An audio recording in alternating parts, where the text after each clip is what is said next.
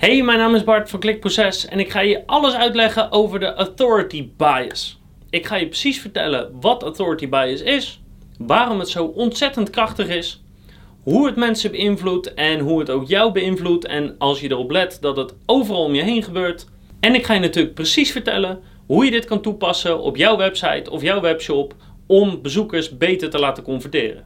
Dus wat is authority bias? Nou, authority bias, ook wel appeal to authority of argumentum ad verecundiam genoemd, dat is een cognitieve denkfout die uitlegt dat mensen bovengemiddeld veel waarde hechten aan een autoriteit. Of beter gezegd aan de mening van een autoriteit of wat een autoriteit zegt te doen. Dus wat kan een autoriteit zijn? Nou, dat kan van alles zijn. Bijvoorbeeld een persoon, zoals een bekende Nederlander, of een expert, of een expert op een bepaald vakgebied.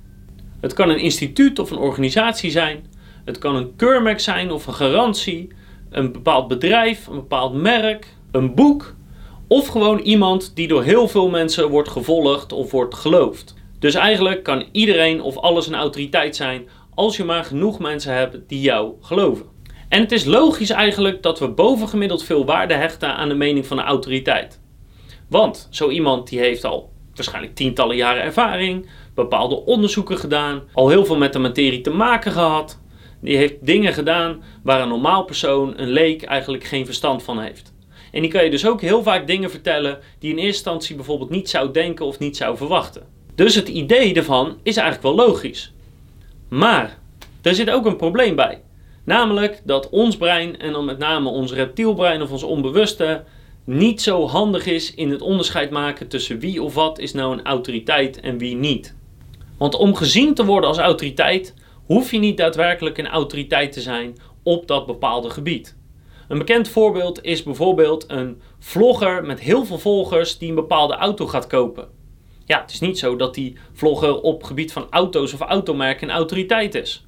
Maar toch zal dat waarschijnlijk wel helpen in de verkoop van een bepaald product. Het aantal jaren dat je in een bepaald vakgebied of in een bepaalde functie werkzaam bent, zegt eigenlijk niks over of je ook daadwerkelijk snapt wat het inhoudt en of je er goed in bent. Sterker nog, als je een goede acteur bent, dan kan je eigenlijk doen alsof je de autoriteit op van alles bent. En het is eigenlijk ook vreemd dat het zo werkt dat als iemand iets zegt, dan geloof je het niet. Maar als die vervolgens zegt dat hij een bepaald certificaat heeft, of een bepaalde opleiding heeft, of een bepaalde jaar ervaring heeft, dat je hem dan wel opeens gelooft.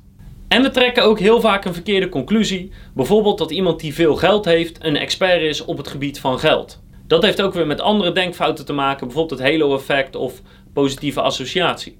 Maar hoe dan ook, iedereen past de authority bias toe en weet dus dat je niet per se een expert hoeft te zijn om door bepaalde mensen of bepaalde groepen mensen als expert te worden gezien. Het begrip autoriteit dat staat eigenlijk een beetje op losse schroeven in onze hersenen. Nou, waarom dit zo cruciaal is om te weten, is omdat één, je kan begrijpen dat als je dit argument wil gebruiken om iemand iets te verkopen of te overtuigen, dan moet je dus een bepaalde bron laten zien. Of anders gezegd, simpelweg door een bepaalde bron van een statement of van informatie weer te geven, kan je al heel veel vertrouwen wekken. Als ik bijvoorbeeld een onderzoek doe en ik link als bronmateriaal naar mijn eigen website, is dat niet hetzelfde als dat ik qua bronmateriaal link bijvoorbeeld naar het CBS of naar een ander gerenommeerd instituut. Dus puur door je bron duidelijk te maken, kan je eigenlijk heel veel overtuigingskracht krijgen. En dat betekent dat je voor de rest aan je boodschap eigenlijk niks hoeft te veranderen. Door gebruik te maken van de authority bias kan je eigenlijk iemand heel veel vertrouwen geven in een product of in een dienst of in een bedrijf, zonder dat hij misschien bewust kan zeggen waarom dat zo is. Dus in feite is het gebruik van de authority bias een hele makkelijke manier om meer te verkopen van een bepaalde product of dienst. Wel belangrijk om te weten is dat de authority bias bij verschillende mensen verschillende zwaartes of kracht heeft. Dus sommige mensen zijn er absoluut niet gevoelig voor. Het maakt niet uit wie wat zegt of wie wat doet, ze hechten totaal geen waarde aan de bron ervan. Dus bij sommige mensen werkt dit argument gewoon helemaal niet. Of het kan zo zijn dat de specifieke autoriteit die jij toekent, een bepaald persoon of een bepaald instituut, dat ze daar geen waarde aan hechten omdat ze uh, die niet kennen of omdat ze die waardeloos vinden. Dus niet bij alle mensen of niet elke bron is hiervoor geschikt of werkt bij alle mensen. Daarnaast heb je een heel groot gedeelte die er wel gevoelig voor zijn, maar dat meestal bewust niet echt doorhebben. En je hebt daarnaast een wat kleinere groep die als er een bepaalde autoriteit naar voren komt, eigenlijk meteen verkocht zijn.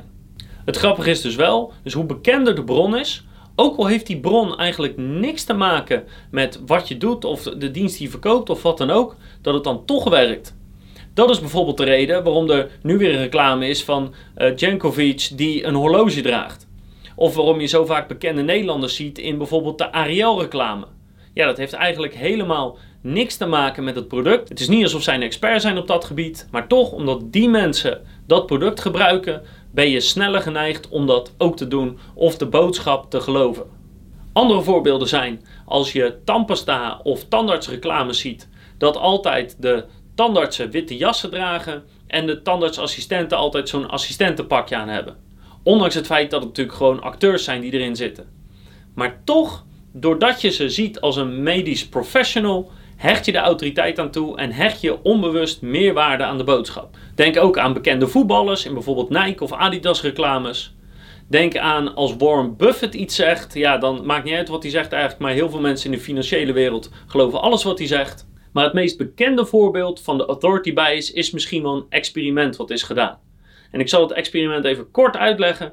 Het ging namelijk als volgt. Je had iemand zitten op een stoel en die kreeg elektrische schokken toegediend. En degene die die elektrische schokken moest toedienen, dat was degene die onderdeel was van de studie. Dus een vrijwilliger, een willekeurig iemand. En naast diegene stond iemand met een prachtige witte jas, een echte medisch professional. En die vertelde wanneer iemand een schok moest toedienen. En heel simpel gezegd, de onderzoeker stelde een vraag. Degene op de stoel beantwoordde die vraag. Goed of fout, dat was van tevoren al precies besproken. En elke keer als hij het fout beantwoordde, moest die persoon een schok toedienen. Maar die schokken werden steeds zwaarder en zwaarder totdat ze dodelijk zouden zijn. En puur doordat iemand in een witte jas, de onderzoeker, tegen die persoon zegt: Nee hoor, het is goed, dien die schokken maar toe, dien die schokken maar toe. Deed de overgrote meerderheid van de geteste mensen deed dat. Zonder echt vragen te stellen. Soms keken ze een beetje raar, maar iemand in een witte jas zei dat het goed is, dus dan doe ik het maar.